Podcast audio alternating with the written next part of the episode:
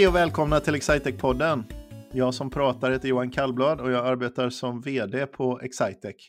Och vi på Excitec vi är ett it-företag som försöker göra arbetsvardagen effektivare och enklare för våra kunder genom att ge dem bästa möjliga it-stöd för sin verksamhet. Och eh, på den här podden så pratar vi någon gång ibland med eh, någon kund och någon gång, ibland med en samarbetspartner. Men allra oftast så pratar eh, vi med kollegor Eh, för att försöka beskriva lite grann om hur livet är hos oss på Excitec. Och eh, jag brukar ju ha med mig Frida Videsjö och Frida brukar ha med sig mig. Men eh, i förra veckans avsnitt så var ju jag sjuk eh, och eh, hade för taskig röst för att kunna prata på en podd. Och eh, denna veckan är det faktiskt Frida som har för taskig röst för att kunna prata på en podd. Så eh, jag ska försöka ro det här i land ensam, lite som förr i tiden, de första 10-15 avsnitten sådär. Eh, gjorde, spelades in innan Frida var med. Men eh, jag vill eh, hälsa en av eh, våra absolut mest välkända medarbetare, tror jag. Niklas Hägglund, välkommen till podden. Ja, tackar, tackar. Hej Niklas, Va varför är du allra mest välkänd just nu?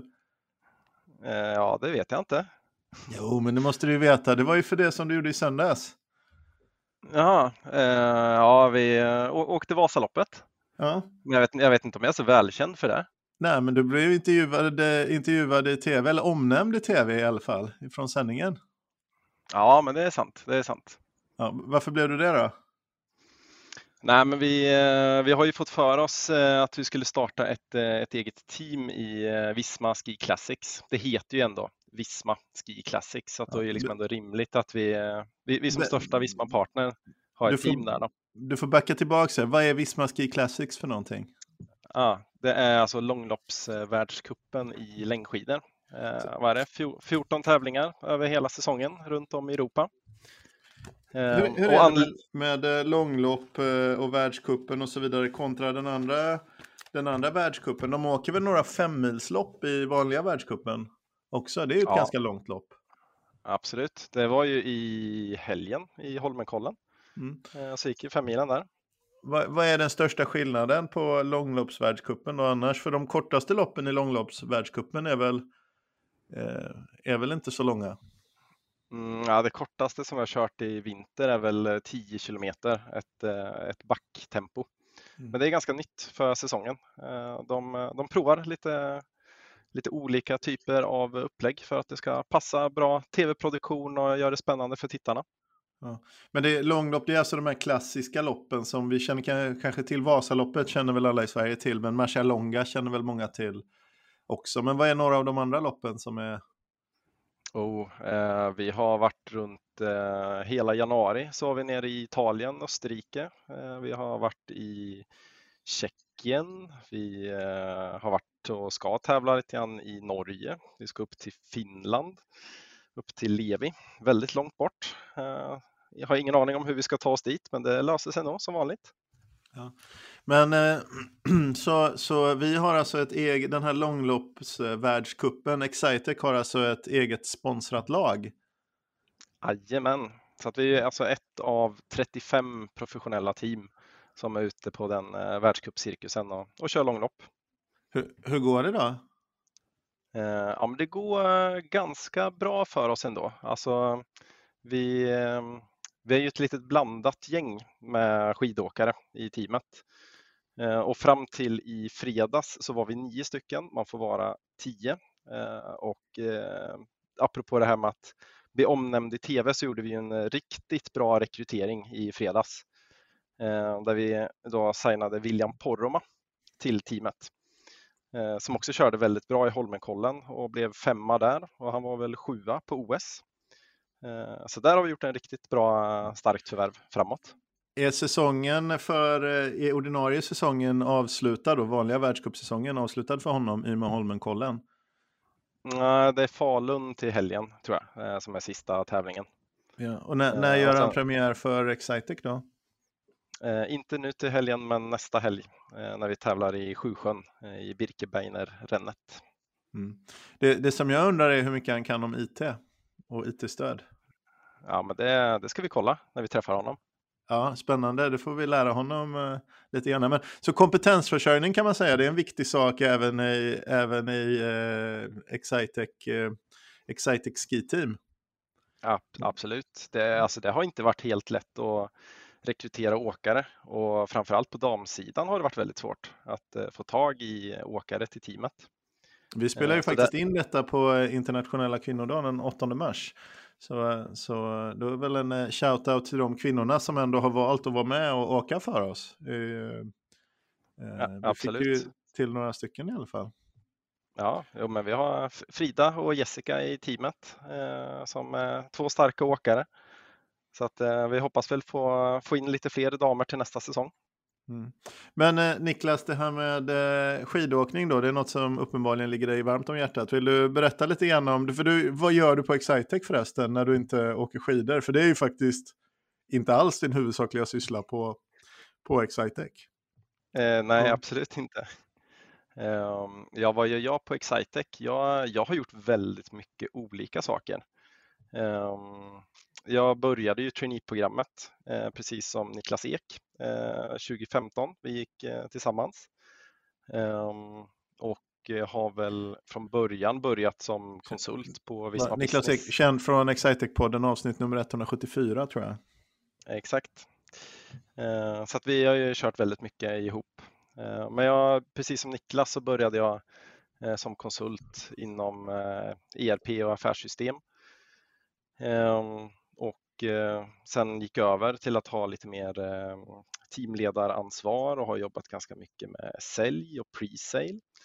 Eh, och sen i samband med covid eh, så tänkte jag att det är bättre att jag ser till att vi har mer saker att göra och då gick jag över och jobbade med sälj på, på heltid.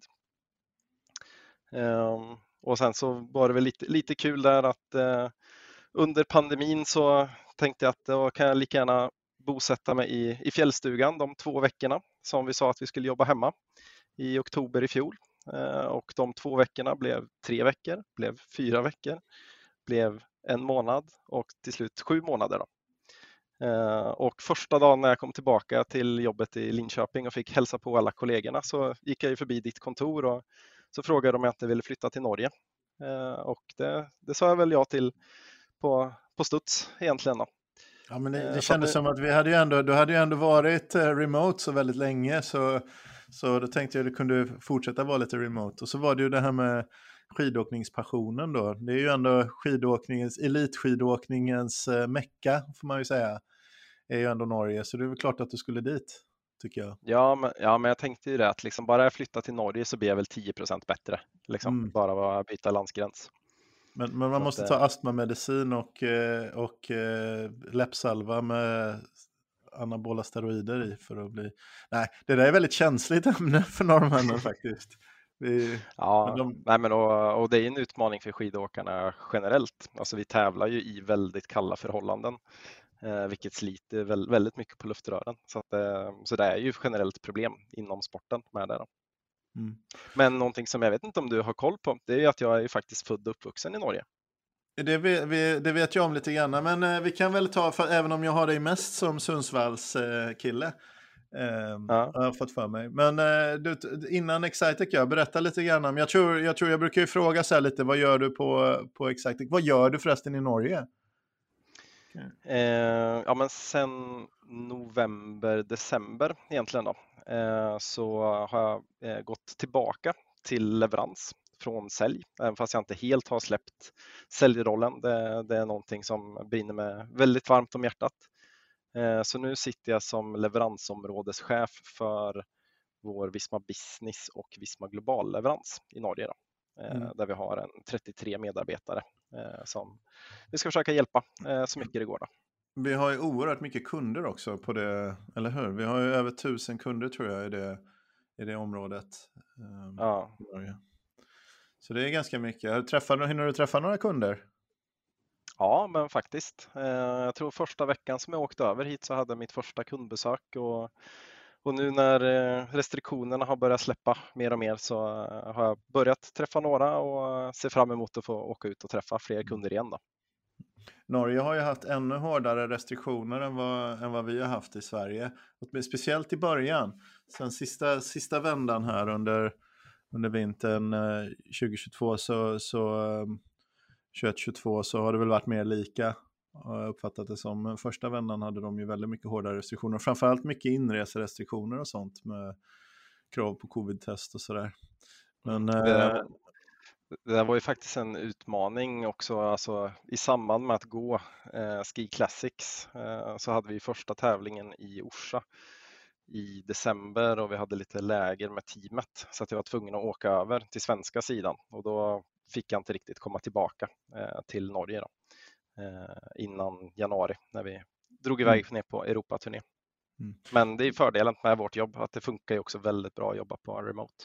Ja, vi fick ju, jag, tror, jag har sagt till några som har frågat externt hur det där har fungerat, att vi hade nog lite tur i och med att vi, jag vet inte om du minns det här, men vi hade ju en ortsindelning på vår organisation ganska länge, fram till för kanske tre år sedan.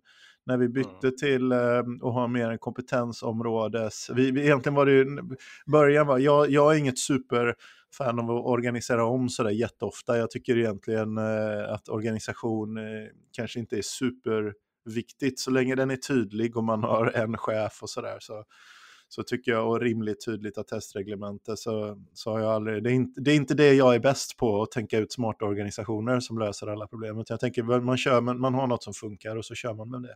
Men vi hade ju växt så pass mycket att det blev tydligt ändå att vi måste göra någon ändring någonstans. Eh, och, och, då kanske vi, när vi ändå måste ändra för, på grund av att vi har växt, så kanske vi ska tänka igenom vad, liksom, vad känner man sin tillhörighet mest och så vidare. Och då landade vi ju i, i tanken, och det här var något år eh, innan pandemin, så landade vi ju i tanken att nej, men det kanske ändå är det kanske ändå är vettigt så att man, man känner mest tillhörighet med de som jobbar med liknande affärs affärsproblem då, med, samma, med samma sorts verktyg. Så då organiserar vi oss på den ledden istället. Och det tror jag var tur sen när vi kom till pandemin, för vi var ju vana vid att sitta på väldigt många olika kontor och jobba mm. tillsammans. Så, så vi var ju väldigt vana vid att arbeta digitalt.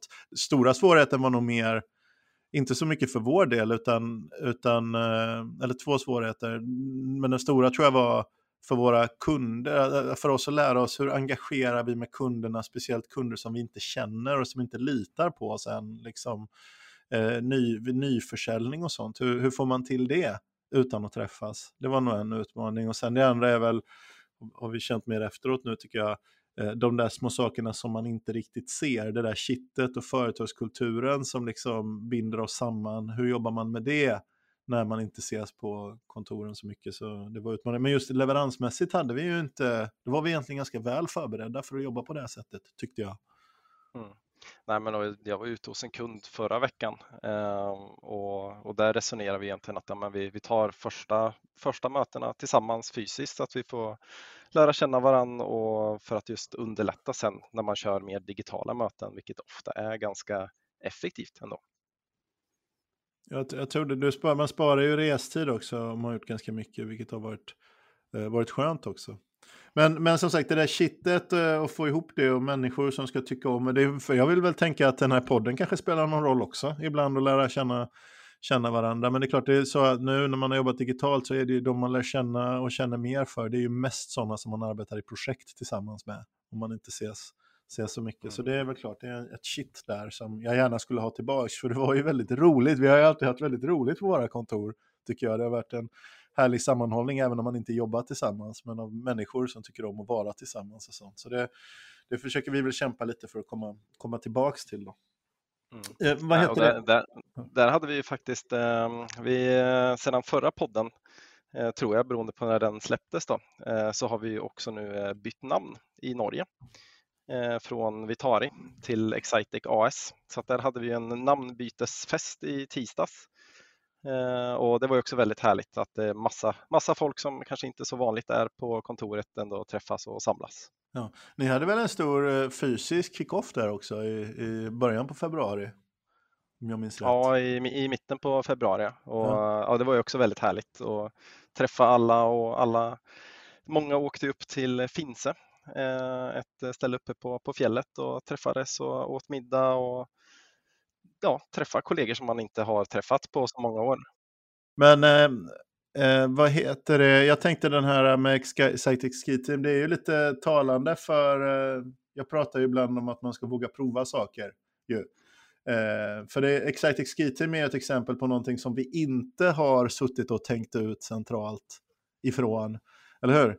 Det var inte så att styrelsen sa det vore bra om vi gjorde något, för man tror ibland att det fungerar så i företag, att styrelsen tänker ut så här, vi borde göra något eh, varumärkesprofilerande som kan gå över Exakt. Norge och Sverige och så går ledningen ner och säger ja, det här vi skulle kunna liksom eh, eh sponsra Melodifestivalen eller vi skulle kunna ha ett skidlag eller kanske hade det varit härligt med cykel sådär. Och så går man vidare eh, ner liksom och så sen blir det ett förslag och ett beslutsunderlag och så. Riktigt så gick det inte till den här gången. Eh, nej, det skulle jag väl inte påstå att det gick till. Va, hur skulle du påstå att det gick till då? Eh, nej men så här, min, min strategi var ju att så här, eh, för det första, så här, eh, om, det är ju att tycka att det är en bra idé, det vi ska göra. Liksom. Eh, vilket jag tycker att det heter ju ändå Visma Ski Classics Eh, och Visma är ju eh, våran kanske största eh, leverantör och då är det ändå rimligt att vi syns i samma sammanhang där och utnyttjar den exponeringen. Ehm, så då bestämde väl jag att vi borde väl starta ett team och började rekrytera lite åkare i januari, februari. Ehm, så att jag hade väl egentligen ett, ett lag färdigt till, till mars och sen så pratade jag lite med dig och sa att du, jag har rekryterat eh, sju åkare här och eh, jag behöver pengar. jag, jag, behöver lite pengar för att få det här att funka. Och så sa du väl att eh, Eh, först så tyckte jag att det var för liten budget. Eh, ska, kommer ni verkligen få det här att fungera? Eh, men okej okay då, du, du, får göra det här om, eh, om, om det inte liksom stör dina andra arbetsuppgifter. Eh, så det tyckte jag väl var en fair deal. Och sen så skickade vi in en ansökan och eh, blev då ett av eh, 35 team. Så vi fick ett wildcard kan man säga. Det är bra. Vad krävs? Nej, men jag tyckte det, det var en sån här våga prova, för det är det som vi har sett tidigare, som jag har sett i, som, som ledare.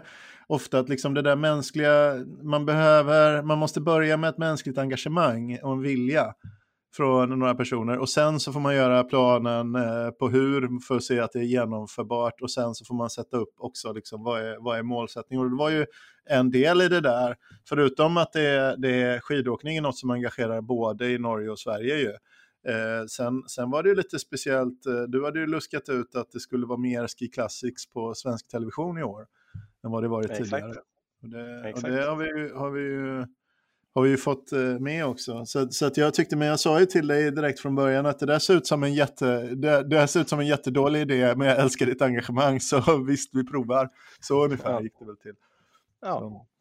Och det, ja, det har det, gått det... ganska bra än så länge tycker jag. Ja, nej, men det har varit en källa för stolthet tycker jag i, i, eh, eh, Eh, hos, hos många. Så att eh, internt, men även jag har fått eh, liksom feed, Man får inte supermycket extern återkoppling, men en del har vi fått. Så att, eh, jag tycker att det har varit en, ett roligt initiativ. Vad krävs nu då? Du sa, du sa att du har gjort en, eh, en, en liten splash-värvning här. Du har värvat en storstjärna. Behöver vi lyfta oss lite för att vara kvalificerade till nästa år? Eller hur var hur var eh, Ja, men det är ju liksom, det är, det är min första plan och var, delvis varför som eh, vi har värvat Ville då, som är, ja, har varit sjua på OS och femma i Holmenkollen och är ju, skulle jag säga, Sveriges absolut hetaste skidåkare. Just Så han, han platsar i vårt lag? Han platsar absolut i vårt lag. Det, det, det stod mellan eh, vårt team som är rankad 25 eller två andra team som är rankade tvåa och trea eh, och har en budget som är kanske 30 gånger högre än vad vi har. Då. Eh, men det gäller att plocka fram säljsidan igen och eh, sälja in det på ett bra sätt. Då. Ja, det är ju ingen, ingen sport att åka för någon av dem som eh, redan har allt. Det är mycket Nej, mer exakt. spännande att se vad han kan göra för oss. Va, men vad är din mål, din, vad hoppas du på? Hur, hur ska vår, kan vår lagranking förbättras då? Du behövde nå upp några placeringar till va, för att vara automatkvalificerad till nästa år, var det så? Exakt, nu efter Vasaloppet så är vi rankad 23 i lagtävlingen och de första 20 teamen är garanterad licens till nästa år. Eh, så att genom att vi hoppas att Ville kör bra i Birken och Reistadlöpet så borde vi kvalificera oss som topp 20 eh, och Johan, då måste vi fortsätta minst ett år till här då. Och då håller det... du mig lite som gisslan via den här podden. Exakt, och jag har pratat också med en del av våra leverantörer eh, faktiskt som är sugen på att hoppa på eh, och hjälpa till att stötta till nästa år. Så det är också en, mm. eh, att jag håller oss gisslan via våra partners också. Mm. Men du Niklas, nu har vi ju pratat ganska mycket om saker som eh, du, för att du är idrottsintresserad och sådär. Det visste ju vi på Excitec och jag tror det, det framstår för eh, lyssnarna också att du gillar idrott och konditionsidrott eh, och så vidare. Men, men vi har ju ett avsnitt på den här podden som heter Någon berättar om något. Så nu, är vi, och nu har vi pratat ganska mycket om, om Visma Ski Classics och vårt skidlag och så vidare. Så, men vad har, du tänkt, vad har du tänkt kring det här avsnittet Någon berättar om något? För idag är det ju du som är någon. Så du ska få berätta ja, men... om något, så vi samtalar om något ämne som du får välja. Ja, men precis. Det finns ju massa saker att prata om. Eh, hur man kan ja, men lyckas lite grann med balansen mellan liksom en eh, professionell yrkeskarriär och att vara elitidrottare. Eh, men jag tänkte faktiskt inte prata om det utan jag skulle vilja prata lite grann om liksom det vi gör. Eh, för jag tänker att det är ganska många som inte känner oss förhoppningsvis som också lyssnar på podden och också kollegor som lyssnar. Eh, så jag skulle vilja prata lite grann om vad vi faktiskt gör eh, för våra kunder. Ja. Eh, för det är någonting som ligger mig väldigt varmt om hjärtat och jag tycker att vi, ja, men det vi gör är verkligen, verkligen bra. Liksom. Så det tänkte jag att vi kan, vi kan snacka mm. lite om. Och det, det vi vet ju att det, du brinner för också väldigt mycket. Ja, på hög nivå så har vi ju sagt att bästa möjliga IT-stöd för våra kunders verksamhet för att göra deras arbetsvardag effektivare och enklare. Eh, ja, exakt. Så, men vad, men äh, berätta lite grann om vad du gör då som du har varit extra stolt över. Uh, nej, men det som jag har märkt egentligen och, och, tycker är väldigt häftigt i dialogen med våra kunder och med bland våra kollegor, det är ju liksom att vår, vår, vår kärnaffär är ju liksom eh, kring affärssystem eh, och att hjälpa våra kunder med att vi, vi brukar säga eh, hålla koll på pengar och flytta lådor i ja, princip. Ja, det, är en ganska, ganska bra eh, beskrivning av vad vi gör. Ehm, men sen så har vi ju den här liksom best of breed strategin att vi, det vi gör är att vi plockar ut liksom riktigt bra programvaror som är bra, liksom bäst i klassen eh, på det de gör. Vilket gör ju att när, vi, när jag pratar med våra antingen befintliga kunder eller nya kunder eh, så har vi möjlighet att liksom växa med dem. Eh, och det är inte alltid så att själva affärssystemet löser alla, alla problem. Eh, men det är där vi har liksom en sån härlig palett av verktyg att liksom kunna plocka in Mm. andra system som verkligen är bäst i klassen på de områdena.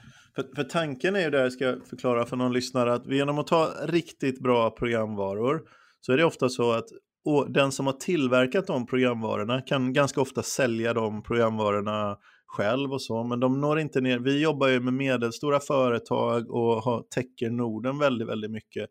Så de här, det kan ju vara något stort internationellt bolag och sånt. De har ju inte, de har inte råd att ha eller någon möjlighet att ha direkt försäljning och de har också ofta bara en sak de gör riktigt bra. Så vi kan ju skaffa ett riktigt, riktigt bra avtal också och säga att vi säljer den här riktigt bra, lite smala funktionen.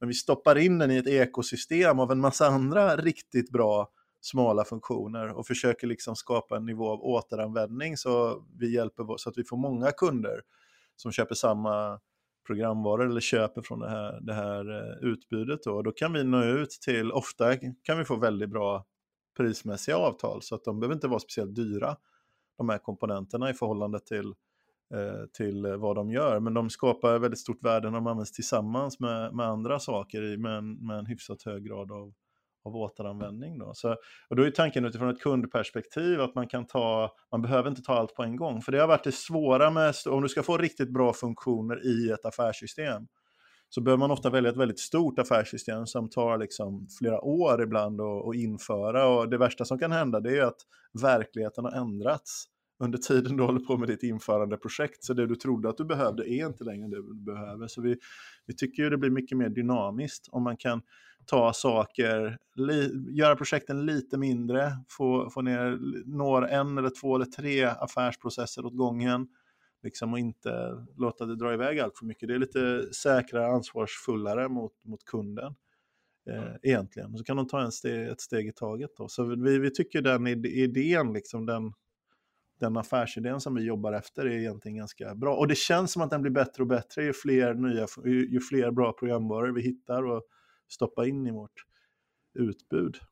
Ja. Och, och, det där är också alltså väldigt intressant och lite grann apropå det här våga prova. Eh, jag kommer ihåg att eh, jag hade dialog med en, eh, en kund eh, som jag har väldigt bra dialog med och, och känner väldigt väl, eh, som är Ställningar i Karlskoga, eh, som var, var ute och skulle byta sitt eh, affärssystem för en tre, fyra år sedan eh, och behövde byta det väldigt fort. Eh, och vi hade väl egentligen fyra veckor på oss eh, och enligt vår process så ska det gå igenom risk och se till att kan vi faktiskt leverera det här eh, och jag kommer ihåg att du tyckte att det där var en väldigt dålig idé eh, och tyckte att vi inte skulle ge oss in i det. Men jag sa att det är klart att vi kan byta affärssystem på fyra veckor. Det, det brukar bara tre, ta tre, fyra månader i normalt sett. Mm. Men, men, de här men... traditionella stora affärerna, jag tror till och med att Microsoft Dynamics vill nog ofta ha nio månader på sig att bli implementerat och ett IFS kanske ett och ett halvt år. Eller någonting. Vi brukar köra på tre, fyra månader och är ganska stolta över det. Men, mm. men här hade du en månad. Ja, och, och, och det här är ju också att gör vi det tillsammans med våra kunder. Det, alltså det exemplet var ju kanske en av våra bättre implementeringar eh, med en helt smärtfri go live och vi lyckades faktiskt lösa det eh, på, på fyra veckor. Eh, och, och, det är ett exempel på att liksom våga börja tillräckligt litet mm. egentligen mm. för att sen addera funktionalitet och kolla på hur man kan förbättra. Det handlar antagligen om att vara uppriktig där också mot kunden och säga att det här är en, eh, alltså det kommer handla om att ni kommer behöva åter, vi måste ta saker vi har gjort förut, implementera på samma sätt. Och de, här, de här tre sakerna är superviktiga för er. De kan vi göra specifikt för er. I övrigt så får ni förlita er på eh, något som vi har gjort förut. Vi kan inte sitta och upp, designa liksom i, i, flera veckor, då kommer vi inte klara av att hålla den här tidsplanen. Antar jag. Jag vet inte, jag antar att ni jobbade på något annat sätt än hur ni brukar för att få till. För det var inte bara att ni jobbade hårdare och snabbare. Eh, nej, absolut inte. Utan eh, men det handlar ju om att jobba väldigt nära eh, våra, våra kunder. Liksom. Eh, men, men det är det som är häftigt, att liksom börja tillräckligt litet och sen kunna addera funktionalitet och att liksom det vi gör, alltså med att har vi kunder som vill bli bättre på att flytta lådor på lagret, ja men då har vi systemstöd för det. Mm. Har vi kunder som vill ha bättre koll på sin ekonomi och se hur går det för oss, ja men då har vi systemstöd för det. Eh, och också den här kunden har jag ju pratat med om, vad, vad har ni för andra system som vi inte jobbar med idag som ni tycker är riktigt bra. Mm. Och där har vi faktiskt utvärderat eh, några av de systemen då, och fått tips från kunderna vad vi kanske borde jobba med framåt. Ibland kan det ju vara väldigt, eh, det, ibland kan det bli väldigt eh, eh väldigt branschspecifikt ju. Eh, och att det är svårt att hitta liksom en tillräckligt, eftersom vi bygger mycket på återanvändning, det kan vara svårt att hitta en tillräckligt stor eh, marknad för, för ett visst Eh, system. Då, Men, ibland, men det är inte alltid så, utan, eh, utan ibland kan jag, ganska ofta så är ganska många av affärsproblemen som man har i ett medelstort företag kanske generiska. Om du liksom jobbar med uthyrning så kanske ja, men det finns många branscher där man hyr ut saker Liksom, om, du jobbar med, eh, om du jobbar med lager, eh, liksom ett robotlager, så finns det många branscher där man har ett robotlager. Du är inte ett lagerföretag bara för att du har ett robotlager och så vidare. Och titta på det där. Jag var tvungen att gå in och titta på ställningar då, så nu, nu använder de eh, Visma Business, det är din favoritprodukt va? Jajamän. Eh, det är affärssystemet. De använder ett system som heter Click. Vad har man det till? De använder det i huvudsak för att följa upp Eh, sin försäljningsuppföljning eh, och även en del för, ehm, för ekonomisk uppföljning. Ja. De använder ett system som heter Medius. Ja, ehm, det, är också en sån eh, grej som vi pratade egentligen om helt andra saker och i förbifarten så nämnde jag att vi också jobbade med Medius och hantering av leverantörsfakturer. Och då stoppade kunden upp mig och sa stopp, stopp, stopp Niklas, det här vill vi veta mer om då. Det, det är ofta ett ganska, det är ett ganska relativt enkelt business case om man och många lägger mycket tid på att hantera fakturor. För när man ska hantera en faktura då kan man ju tänka sig att de fakturorna, om, om man vet att man redan har godkänt inköpet och det vet kanske systemet och så vet du att du har att du har fått inleveransen och så vet du att priset är vad det borde vara, då ska ju ingen människa sitta och lägga tid på den fakturan egentligen. Så det, det handlar ofta om företag som har en hyfsat stor fakturavolym med fakturor från sina leverantörer kan ofta spara en massa arbetstid helt enkelt på att automatisera det där. Och då har vi ju ett, ett system som egentligen från början är byggt för Enterprise. Eh, jag tror K-Rauta var en av de, den, den kedjan var en av de stora tidiga kunderna och några andra sådana här riktigt stora företag och så, och så har vi paketerat ner den så det går väldigt snabbt att, att tillämpa den i ett eh, medelstort företags verksamhet. Så den är, vi har ju säkert 200 kunder ungefär som använder den programvaran. Mm. Eh, och, och, det som är häftigt i just dialogen med den här kunden var ju att vi såg att alltså Medius som produkt eh, var en nödvändighet för att de ska kunna nå sin till, alltså tillväxtresa. Mm. Eh, mm. För vi har ju liksom helt Eh, automatiserat alla deras direktleveranser, eh, vilket går väldigt mycket från leverantör direkt till kund. Och vilket de säger själva är liksom att okej, okay, vi är ett företag som eh, levererar ställningar, men vi ser oss mer som ett techföretag som bara råkar sälja ställningar, vilket gör att de potentiellt framåt kan plocka in nya eh, sortiment och nya varumärken men ha ändå samma liksom, IT-system eh, runt det där jag tror vi har, eh, det är intressant också med eh, eh, det här med digitalisering och värdet av det. För för några år sedan så tyckte jag det pratades mycket, innan pandemin så pratade man om digitalisering som viktigt, men väldigt ofta som ett hot också. Man sa det tar bort arbetstillfällena och det tar bort det här och det. Men egentligen det här att sitta och pilla manuellt med en leverantörsfaktura, liksom, det var ju inte ett speciellt kreativt eller skapande. Att använda en mänsklig kognitiv förmåga till det var, var är inte speciellt eh, välinvesterad tid. Liksom. Människor kan skapa och uppfinna saker, liksom. men, men det är ju ganska repetitiva arbetsuppgifter. Så, så jag tycker faktiskt det har pratat mindre, pratats mindre om digitalisering som hot eh, nu under pandemin, för det var väl många som såg att de företagen som hade investerat innan pandemin var väsentligt mycket mer framgångsrika under den, så jag tror inte man, man man har inte pratat om det så mycket med negativa förtecken. Du, du har ett system som heter Easy Stock också, apropå, apropå är, det är det implementerat? Det var en ganska liten eh, omfattning på det, ser jag här. Men vad, kör, kan du berätta om vad Easy Stock gör? Ja, men det hjälper ju kunden med inköpsoptimering och, och att se till att man har rätt produkter på lager vid rätt tillfälle eh, för att egentligen ha en, en bättre servicegrad. Um, och jag, jag skulle vilja, alltså den, den, här kunden är, tycker jag, den ligger mig väldigt varmt om hjärtat um, och vi kanske skulle försöka få med dem i podden också framåt.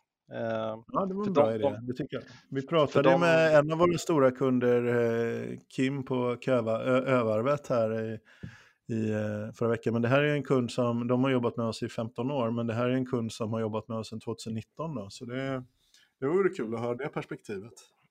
Ja, och, och också att de ser ju, alltså lite grann tillbaka till det här med att vara en attraktiv arbetsgivare. Eh, att de använder ju eh, liksom våra system eller det vi levererar också för att liksom behålla befintlig personal men också att liksom vara en attraktiv arbetsgivare eh, framåt.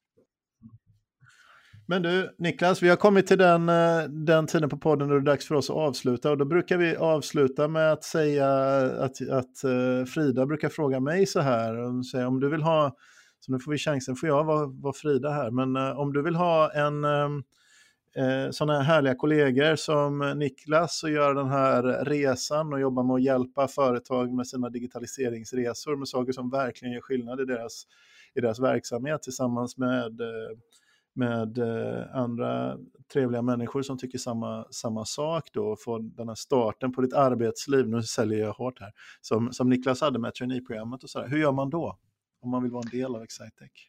Ja, men då går man in på excitec.se eh, karriär eller excitec.no karriär. Mm. Någonting sånt kanske? Ja, det är bra. Vi har faktiskt bestämt också att vi ska tillåta, vi har inte gjort det än, men jag kom, pratade precis med Asle som är vd i, i Norge och vi sa att vi även, man kan söka direkt till, man kan söka till svenska traineeprogrammet för placering i Norge och vice versa. Så om man känner att man vill inleda sitt arbetsliv med att jobba utomlands eh, några år så är det okej okay att söka till svenska traineeprogrammet och sen ta placering i Norge. Vi försöker se alla våra orter som möjligt. Då. Men du, om man, vill också, om man har en verksamhet då och vill ha sånt här schysst, eller vet någon som borde vara hjälpt av digitala verktyg, vad ska man göra då? Nej, men jag skulle nog bara tipsa att eh, gå in på vår hemsida och eh, liksom kolla runt för vi, vi jobbar med så himla mycket olika saker. Så att jag skulle bli förvånad om det är ett företag som inte har behov av någonting av det vi jobbar med. Så använd det som en stor kunskapskälla till att förbättra er verksamhet. Och är det någonting som verkar intressant så ta gärna kontakt med oss. Och tänker att vår roll är att hjälpa våra kunder att bli bättre. Absolut. Men eh, tack så mycket för att du ville vara med på podden Niklas. Mm, tack så mycket.